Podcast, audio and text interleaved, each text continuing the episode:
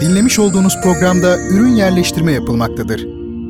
Bertan Ronayla Duyuşlar Müzik, sanat, edebiyat, dil, kültür ve hayat üzerine duymak istediğiniz her şey bu programda. Bertan Ronayla Duyuşlar her çarşamba saat 22'de Samsun'un Gerçek Radyosu'nda. Bertan Ronayla Duyuşlar başlıyor. Çok değerli dinleyicilerim, iyi geceler diliyorum. Bertan Rona ile Duyuşlar programına hoş geldiniz, safalar getirdiniz. Bertan Rona'yı dinlemektesiniz efendim. Ben Deniz bu programı sizler için hazırlıyorum ve her hafta çarşamba geceleri saat 22'de sunmaya çalışıyorum. Daha ziyade kültür, sanat, edebiyat, bazen felsefe ve dil üzerine bir program duyuşlar. 4 yılı aşkın bir süredir, yaklaşık 4,5 yıldır sizlerle birlikteyiz. E, bu programı yürütmeye çalışıyoruz. Efendim her hafta olduğu gibi bu haftada yine benim e, zihinsel ya da entelektüel gündemimde diyelim e, öne çıkan bir konuyu sizlerle paylaşmak istiyorum. Böyle bir konuyu ele almak istiyorum. O da sahaflar yani eski kitapçılar üzerine e, kısaca hasbihal edelim istiyorum. Ancak başlamadan önce sosyal medya hesaplarımızı duyuralım her zaman olduğu gibi. Twitter'da ve Instagram'da hesabımız Bertan Rona'dır efendim. Twitter ve Instagram'da Bertan Rona. E, bu mecralardan bize ulaşabilirsiniz. Twitter'dan e, direkt mesajım benim açık yazabilirsiniz. E, pek çok insan farklı vesilelerle, farklı konular için mesaj yazıyorlar. Elimden geldiği kadar da e, cevaplamaya çalışıyorum. Yardımcı olmaya da çalışıyorum. E, Instagram ise son zamanlarda biraz daha aktif olarak kullandığım bir ortam olmaya başladı. Belli nedenlerden ötürü. E, ama onun bizim için, Instagram'ın duyuşlar için başka bir önemi daha var. Özellikle geçmiş bölümlerde anlattığım konularla ilgili görselleri tarihiyle birlikte Instagram'da bulabilirsiniz. Mesela bir programda bir resimden bahsediyorum diyelim. E tabi resmi inceliyoruz, analiz ediyoruz, üzerine konuşuyoruz. E, fakat resim önümüzde yoksa eğer bu tabii ki çok anlamlı olmayacaktır. Orada Instagram'ın e, içine girip tabii ki geçmiş bölümlerde bu bölümler için benim yaptığım paylaşımları e, bulabilirsiniz, görselleri görebilirsiniz. E, duyuşların eski bölümleri için ise Spotify, YouTube, e, Deezer gibi ve SoundCloud gibi platformları tercih edebilirsiniz. E, duyuşlar buralarda bulunmakta efendim. Duyuşların bazı bölümlerini dinleyen insanlar rastgele bir şekilde e, biraz tevafukla dinleyen çok değerli dostlar bir süre sonra tamamını dinlemek istiyorlar genellikle ve ilk programdan başlamak istiyorlar. O zaman SoundCloud bize yardımcı oluyor. Arkasından bir de işte defter falan tutulmaya başlanıyor. E, böyle güzellikler içerisinde bugüne kadar geldik. Son aylarda programımızın içeriğinde olmasa da müntajında bir değişiklik oldu. Aslında bir konsept değişikliğine gittik. Daha evvel e, 4 kısımlı uzun 2 saate yaklaşan programlar yapıyor idik. Farklı farklı konulara değiniyorduk. Şimdi çok daha kısa süreli ama tek bir konuya değinen e, bölümler yapıyoruz. Bunu da duyurmuş olayım efendim. Tabii e, yardım kampanyalarımız aslında bitmiş değil. Çok uzun zamandır anonse etmiyorum ama e, şimdi söyleyebilirim yine. Öğrencilerimiz var, yardımcı olmaya çalıştığımız üniversite öğrencisi bu arkadaşlarımız. Her birinin nerede okuduğu belli, belgeli, ailevi durumları, maddi durumları da çok açık bir şekilde ortada. Yani o konularda bir soru işareti yok. Ve bu arkadaşlarımıza destek olmaya çalışıyoruz. Tabii e, hayat pahalılığı e, dolayısıyla eskisi gibi değil açıkçası. Yani yardım e, eden dostların sayısında azalma oldu. E, insanlar da tabii herhangi bir şekilde bundan dolayı kesinlikle kınanamaz. Sadece e, bugüne kadarki yardımları için kendilerine teşekkür edebiliriz. E, ama dediğim gibi sayı bir hayli azaldı. Öyle olunca tabii bizler de son derece zorlandık. Götürebildiğimiz yere kadar götüreceğiz. E, aranızda yardımcı olabilecek durumda olan varsa ya da yardım edebilecek insanları tanıyanlar varsa duyurarak da çok büyük destek olmuş olabilirler.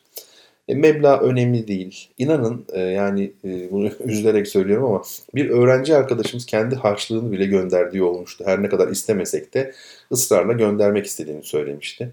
Yani düşünün bir üniversite öğrencisinin ailesinden aldığı harçlık ne olabilir? Ama yardım etmek e, istemişti açıkçası. Meblağın bir önemi yok. Az olur, çok olur, bir defaya mahsus olur, düzenli olarak ödenebilir. Veya şöyle destekçilerimiz de var. Hocam ben olduğu zaman göndereceğim. Yani o ay elim sıkışıksa gönderemem ama elimin rahat olduğu dönemlerde gönderirim şeklinde e, gönderenler. Yılda bir iki defa daha geniş bir e, biçimde gönderen takipçilerimiz, dinleyicilerimiz var, destekçilerimiz var. Kendilerine teşekkür ediyoruz. Siz de karınca kararınca destek olabilirsiniz. Arzu ederseniz lütfen bize yazın, ulaşın. E, tamamen tabii ki e, makbuzlu, efendime söyleyeyim, e, dernek üzerinden yapıyoruz bunu.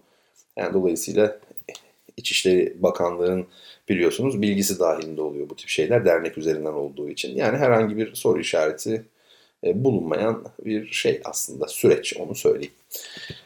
Efendim şimdi bu gece sizlerle konuşmak istediğim yani 16 Haziran çarşamba gecesi sizlerle konuşmak istediğim bu eski kitapçılar, sahaflar meselesine gelelim. Eski kitapçı da deniyor, sahaf da tabii deniyor. Sahaf e, biraz daha yaygın bir ifade. Ve tabii sahaflar genellikle belli şehirlerde bir arada bulundukları için o semte adlarını verdiklerine de şahit oluyoruz. Yani sahaflara gideceğim diye. O bir bölge olmuş oluyor tabii. Eskiden çoktu. Şöyle bir düşünüyorum yani çocukluğuma bakıyorum.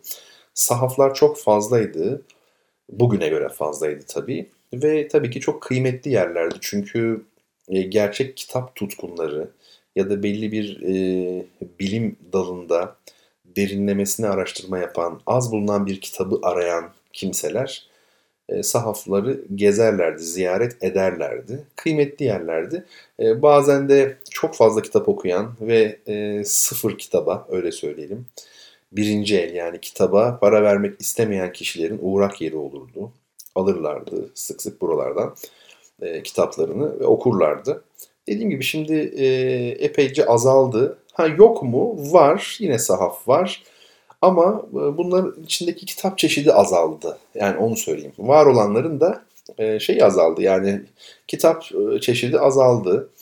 Yani şöyle mesela Beyazıt'ta, İstanbul Beyazıt'taki sahaflara baktığımızda eskiden, çok eskiden tabii bilenler anlatıyorlar kitap çeşitliliği daha fazlaymış. Hemen her konuda kitap bulabilirmişsiniz. Ama şimdi baktığınızda daha çok dini kitapların ağırlık kazandığı görülüyor son 10-15 yılda. Türkiye'de dini kitaplara bir ilgi var. E, hatta dini içerikli kitaplara. E, bu nedenle pek çok yayın evi de e, belki gereğinden fazla yani şu anlamda söylüyorum e, böyle savruk, özensiz kitaplarda yayınlıyorlar. Özellikle çeviri olanlara baktığınızda çok kötü çeviriler olabiliyor ne yazık ki. Ama dışarıdan baktığınızda işte Muhiddin Arabi olunca, Sadreddin Konevi olunca, İbn Sina falan olunca bunun şeyi var. Alıcısı var. Ben Beyazıt'ta bir e, sahaflarda bir kitapçıyla konuşmuştum. E, hep tabii dini kitaplar ağırlıklı. Aynen söylediğini söyleyeyim. Hocam dedi biz tabii dedi kitapçıyız ama sonuçta dedi bu işin ticaretini yapıyoruz. Biz tabii dedi talep çok önemli. Şimdi ne e, aranıyorsa, ne okunmak isteniyorsa biz onu getiriyoruz dediler dedi bana. Dolayısıyla dini kitapların daha çok ön planda olmasının sebebi buna olan talebin son yıllarda artmış olması aslında. Yani kitapçılar burada bir neden değil, bir sonuç. Yani sahaflarda e, o tür kitapların daha çok bulunması e, böyle. Yani herhalde atıyorum mesela 70'li yıllara baktığımızda işte Türkiye'de sol sağ çatışmasından akıl yürütüyorum sadece yani bu noktada. Ee, sol sağ çatışmasının olduğu işte solculuğun popüler olduğu dönemlerde de muhtemelen e, aynı kitapçılar belki de sol kitaplar satıyorlardı. Yani işte efendim Marksist kitaplar e, satıyorlardı. E, dediğim gibi yani çeşitlilik de azalmış görünüyor. Eskisi gibi değil ama hala tabii tek tük de olsa şeyler var. İçinde pek çok şeyi bulabileceğiniz e, efendim sahaflar var. Tabi sahaf kültürü çok hoş bir şeydir. Birincisi labirent gibidir. Girersiniz içine e, böyle bazıları büyüktür. Neyle karşılaşacağınızı bilemezsiniz. Zaten en güzel taraflarından biri de o sürpriz meselesidir. Yani bakarsınız raflara Aa, çok ilgisiz böyle 1960'ların Amerika'da bestseller olmuş bir yazarının İngilizce romanının hemen yanında belki sizin için çok kıymetli olan kendi sanat dalınızda çok önemli bir kitabı görürsünüz birdenbire. O yüzden sahaflar çok zaman geçirilen yerlerdir. E, böyle raf raf kitap kitap bakmak gerekir. Karışık konulduğu için genellikle. Bazı tabii sahaflarda daha düzgün, tematik yani konuya göre bir düzenleme de yapılmış olabiliyor ama özellikle yoğun sahaflarda yani çok sirkülasyonun fazla olduğu, çok fazla e, günlük böyle işte kitabın veya haftalık kitabın geldiği sahaflarda. Bazen de ilginçtir e, hiç tercih edilmeyen, az bilinen sahaflarda yani e, sahibinin biraz da zevk için belki yaptığı bu işi.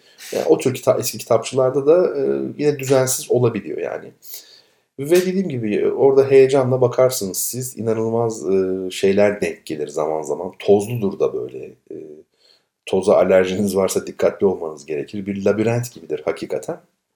Gezersiniz ve sonra dediğim gibi birdenbire bir kitap görürsünüz ve bu kitap mesela benim kendi alanım müzikoloji öyle söyleyeyim mesela o alanda çok kıymetli bir kitaptır. Eskiden e, biz şey yapardık yani bu kitapları bulduğumuz zaman e, şimdi artık kurdu olmuştuk bu işin arkadaşlarla birlikte bir kitaba denk geldiğimizde onu doğrudan sorarsak yani hiçbir kitabı sormadan siz bir e, alıcı olarak, müşteri olarak gittiniz oraya ve doğrudan 10 dakika sonra doğrudan tek bir müzikoloji kitabını aldınız. E, kitapçının arkadaşın önüne koydunuz. Hanımefendinin ya da beyefendinin her neyse. E şimdi böylesi bir durumda e, kitapçı sizin o branştan olduğunuzu, mesleğinizi anlıyor ve o kitabın sizin için değerli olduğunu tabii ki anlar ve yüksek bir fiyat tabiri caizse çeker. Fiyat çekmek var ya. Şimdi e, o yüzden de artık gerçekten tecrübe kazanmıştım. Ben hatırlıyorum o, öyle bir kitap gördüğüm zaman hiç dokunmuyordum. Yani hiç elimi bile atmıyordum kitaba. Sonra böyle alakasız farklı konulardan 10 tane, 5-10 bazen 15 kitap seçip içlerine bunları da koyup müzikle ilgili olanları iki tane mesela diyelim. Hepsini götürüyordum şeye masaya kitapçının önüne koyuyordum. Yani fiyatları ne kadar bana söylesin diye. Şimdi öyle olduğu zaman sizin branşınızı bilmiyor ve e, anlamıyor tam olarak neyi alacağınızı. Toplu halde fiyat soruyorsunuz.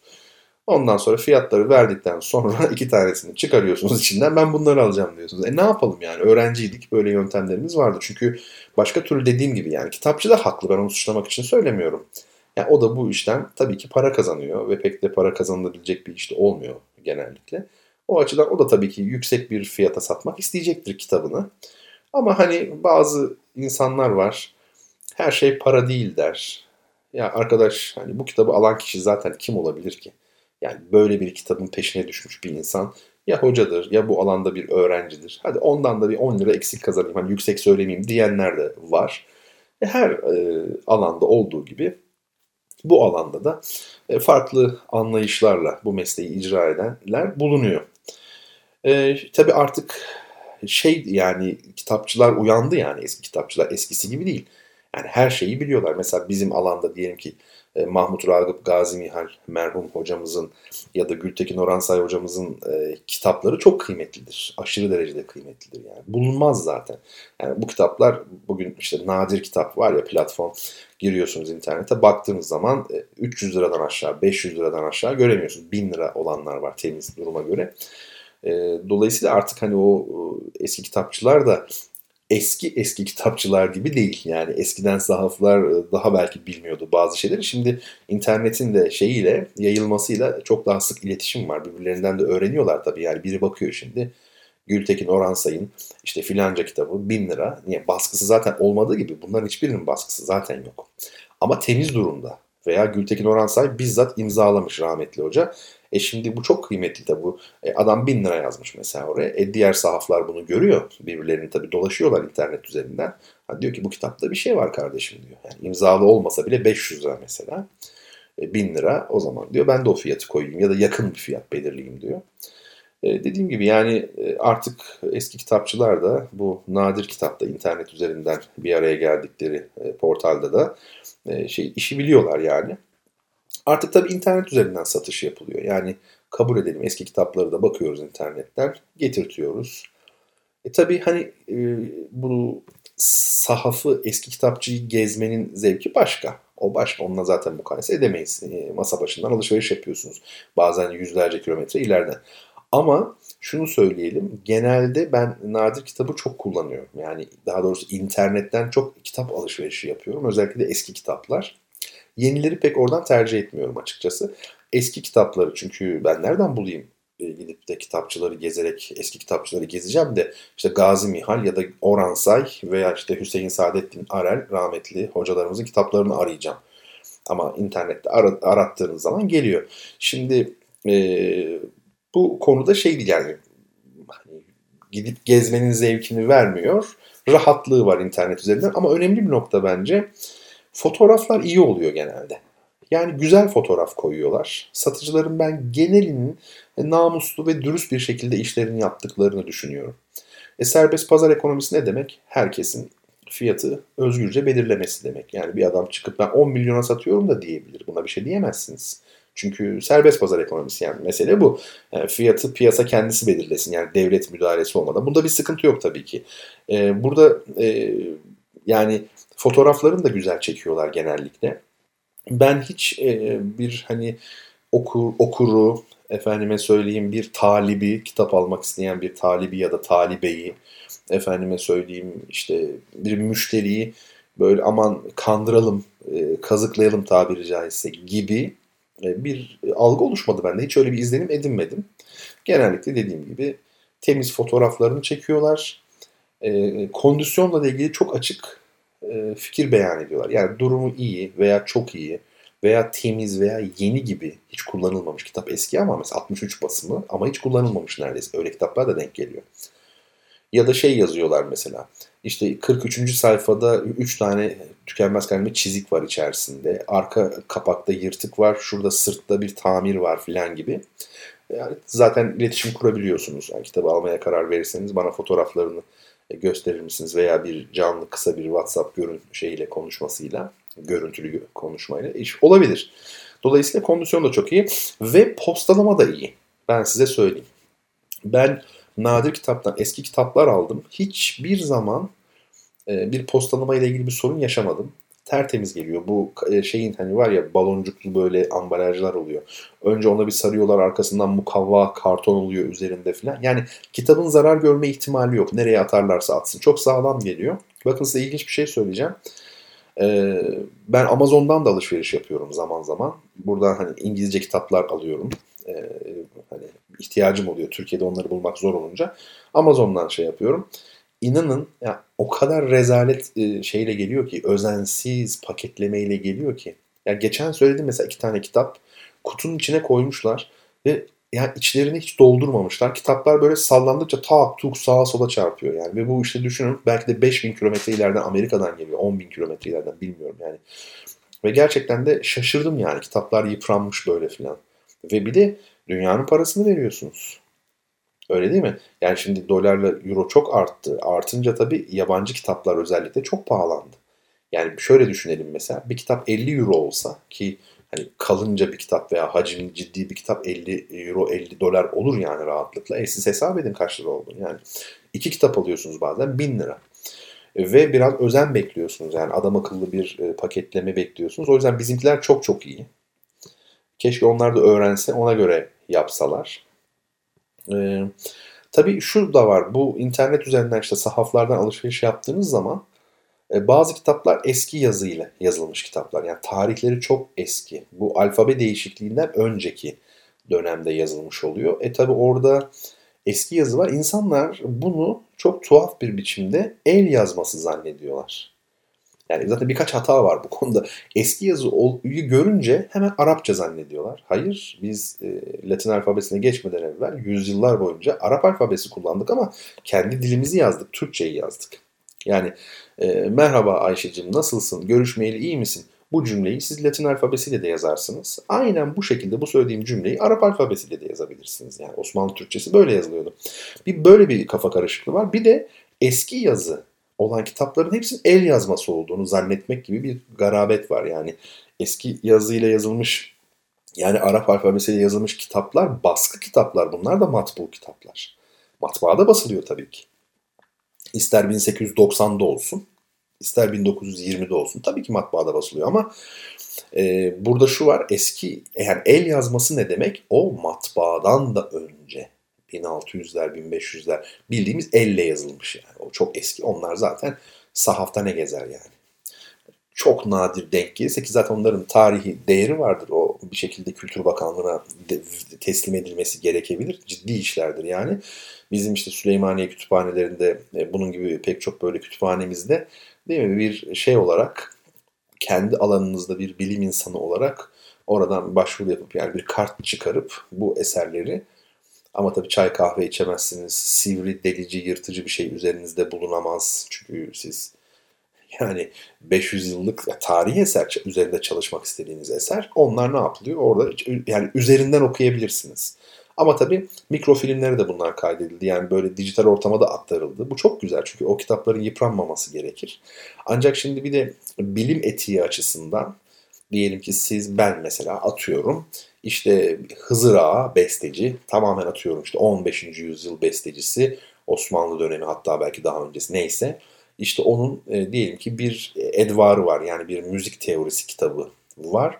O mesela pdf olarak dijital ortama aktarılmış. Oradan çalışıyorsunuz falan filan. Ama e bir de şimdi e, bir eser yayınlayacaksınız. Ciddi bir makale yazdınız. Bir kitap yayınlayacaksınız. Bilimsel içeriği olan bir eser. Ciddi bir kitap. E orada sizin onu bir yüzünden görmeniz lazım. Üzerinden okuma dediğimiz bu işte yani. O kitabı bir görmeniz lazım. Gerçekten gözünüzde göreceksiniz o kitabı. E, o açıdan bunu da karıştırmamak lazım. El yazması başka bir şey. Şimdi e, bu internetteki sahaflarda öyle söyleyeyim. Çok isim verdim. Ben sonradan düşündüm acaba isim veriliyor mu verilmiyor mu diye. Bir marka olarak geçiyor çünkü o da. Bu eski yazı olanlar tabii ki dil devriminden önce daha doğrusu alfabe değişikliğinden önce tabii olanlar Arap alfabesiyle basılmış ve bu kitaplar internette de çok pahalı oluyor, eski oluyor. E çünkü zaten hiçbir kıymeti olmasa e, 100 yaşında en az. O açıdan baktığınızda son derece tabii e, kıymetli. E, bir de şu var yalnız eski yazıyla yazılmamış. Yani normal Latin alfabesiyle yazılmış ama çok kıymetli olan. Mesela bende bir armoni kitabı var. Cevat Memduh Altar'ın çevirdiği bir armoni kitabı. Johannes Merkel'den çevirmiş. Bu kitap 1929 e, e, basımı. Yani 8 yıl sonra 100 yaşında olacak kitap. Asırlık bir kitap olacak. Ufacık bir kitaptır. E, bu kitaba baktığınız zaman da tabii ki çok pahalı olur. 1929 basımı ne demek yani? Çok çok kıymetli ama şeyle tabii ki Latin alfabesiyle olmuş oluyor o da. Şimdi açık konuşmak gerekirse e, ister müzik olsun, ister resim, ister mimari, hatta spor olsun, askerlik olsun fark etmez. Bu alanların tamamında aslında batılılaşma e, çalışmaları, çabaları Tanzimat'la birlikte başladı. Şimdi yani Cumhuriyet öncesi başlamış oldu. Öyle olunca bu dallardaki ilkler mesela sporda Selim Sırrı Tarcan atıyorum. Askerlikte hangi paşa varsa o kitapta kitap yazmış komutan. İşte müzikte diyelim ki Hüseyin Saadettin Arel, Rauf Yekta, resimde Şeker Ahmet Paşa atıyorum tamamen Osman Hamdi, mimaride kimse. E, bu büyük isimler aslında e, şöyle bir baktığımızda tabii ki ilk eserlerini veya çalışmalarını e, nasıl vermiş oluyorlar? Onlar da işte Latin alfabesi yani Arap alfabesi dışında daha sonraki eserlerinde Latin alfabesi bile olsa eski. İşte az önce bahsettiğim örnek yani Cevap Memduh Altar bir örnektir. Veya işte efendim Ahmet Adnan Saygun'un Halk Evlerinde Musiki diye bir kitabı var. 1941 basım mı ne yani öyle bir şey 46 mı 41 mi 45 mi öyle bir şey. E, çok eski. E tabii ki e, bu kitaplarda son derece e, pahalı olmuş oluyor. E, dolayısıyla bizlerin mesela diyelim ki ben müzikolog olarak söylüyorum. Kazım Uz, Rauf Yekta, ne bileyim Hüseyin Saadettin Arel e, bu hocaların e, kitaplarını e, orijinal olarak okumak için eski yazı mutlaka bilme durumu. Yani bilme zorunluluğu var yani. Eski yazıyı bilmeden nasıl yapacaksın? Başkalarının yaptığı çevirilere, çeviri yazmalara mahkum olmuş oluyorsun. Yani orijinal kaynağından e, çalışabilmek önemli. Bir de bu şeylerde, sahaflarda normal yani yüz yüze olarak da geçseniz, fiili olarak da ya da böyle internet üzerinden de baksanız benim onlar ilgimi çekiyor. Dergiler satılıyor bazen. Ya, o kadar çok dergi yayınlanmış ki tabii ki. Dergiler biliyorsunuz yani başlarlar sonra kapanırlar, açılırlar, kapanırlar böyle. Pek çok dergi çıkmış ama bu dergilerde bazen e, bu e, önemli isimlerin mesela yine işte müzikolojide diyelim ki Gazi Mihal Hoca'nın e, bir yazısı var o dergide. Fakat bu yazı e, Gazi Nihal'in kitaplarına alınmamış mesela. Herhangi bir kitabında yok. Hatta bazen yapıyorlar ya dergilerde kalmış yazılarını toparlayabildikleri kadar toparlayıp kitap yapıyorlar araştırmacılar. Diyelim ki o yazı hiçbir yerde yayınlanmamış. O dergide var sadece. İşte o dergi çok kıymetli oluyor tabii o zaman. Yani o dergiyi e, alıyorsunuz. E, dil ağır olabiliyor bazen eski olduğu için ama e, son derece kıymetli oluyor. Mesela Musiki Mecmuası'nın eski sayıları, ilk sayıları ya da Büyük Doğu dergisinin ilk sayıları. E bunlar tabii ki şey değil mi yani çok kıymetli olmaz mı? Tarihsel bunların önemi var. Ve tabii e, dediğim gibi kitaplarda yayınlanmamış yazıların bulunduğu e, dergiler de son derece kıymetli. Hatta geçen gün yine aldım öyle bir şeyler. Tabii ben dergi adına göre aratmıyorum yani. Mesela ben diyelim ki İlhan Baran yazıyorum. Allah rahmet eylesin. Besteci e, hocamız. E, mekanı cennet olsun. İlhan Baran yazıyorum mesela diyelim. İlhan Baran yazdığında o şeye, nadir kitaba mesela.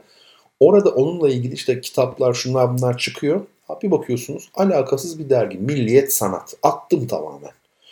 Yani sizin e, hiç beklemeyeceğiniz bir sonuç bu. Sonra içeriye girip bir bakıyorsunuz niye bu milliyet sanat var.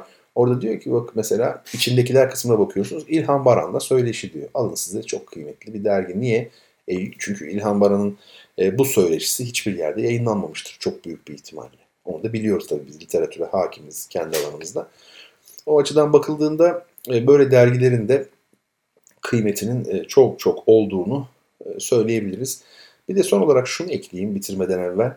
Yani e, ben hiçbir zaman ikinci el kitap almadım belli bir tarihe kadar. Her zaman e, temiz kitap aldım ve kitaplarımı çok iyi kullandım. Hiçbir zaman e, altını çizmekmiş, şuymuş, buymuş yani. Öyle yani ödünç bile vermeyi çok istemezdim. Çünkü kırıştırıp getiriyorlardı falan. Böyle kitaplarıma düşkündüm yani.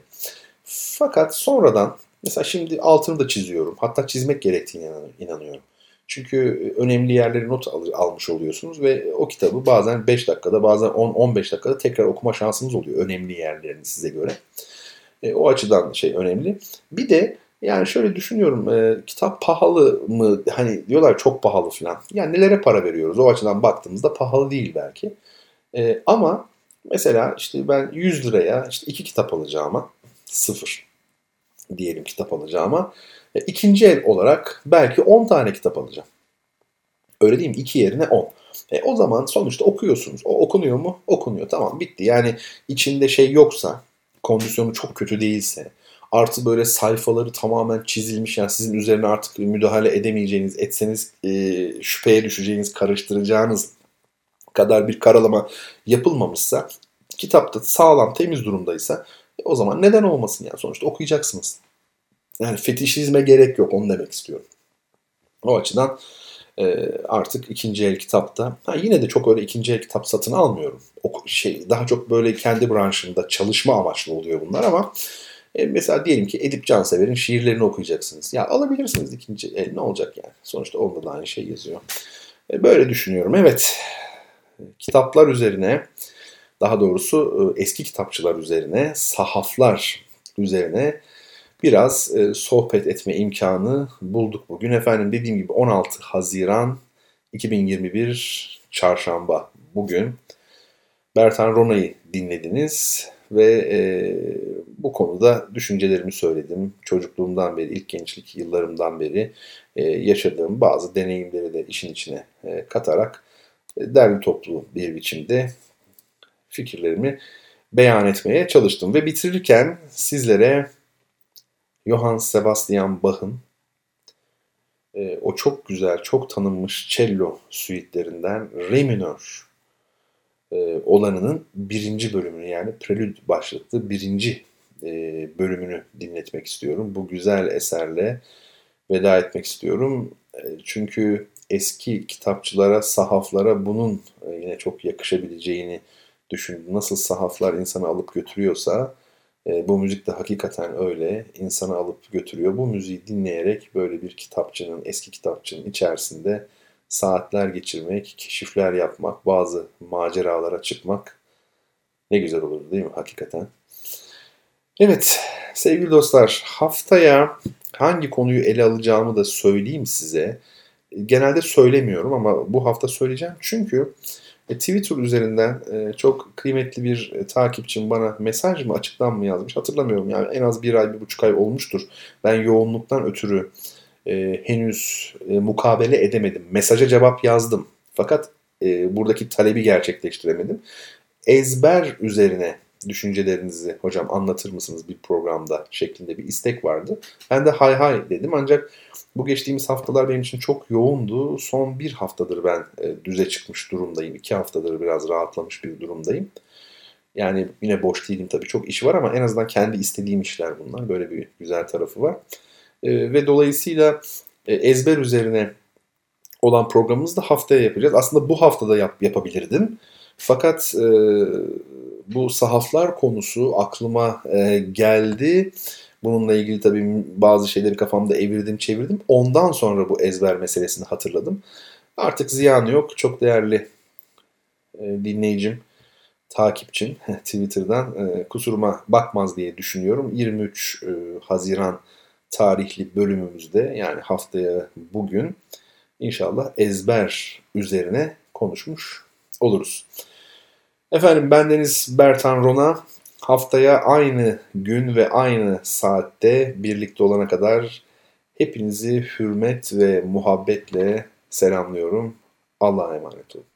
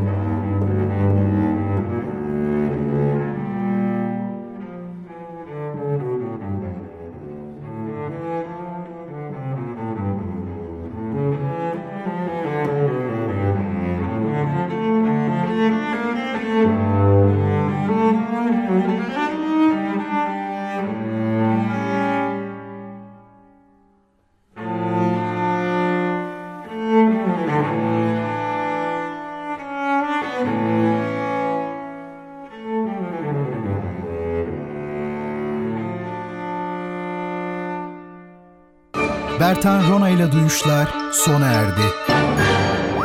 Bu program hakkındaki düşüncelerinizi dinleyen et radyogercek.com adresine mail atarak bize ulaştırabilirsiniz. Dinlemiş olduğunuz programda ürün yerleştirme yapılmıştır.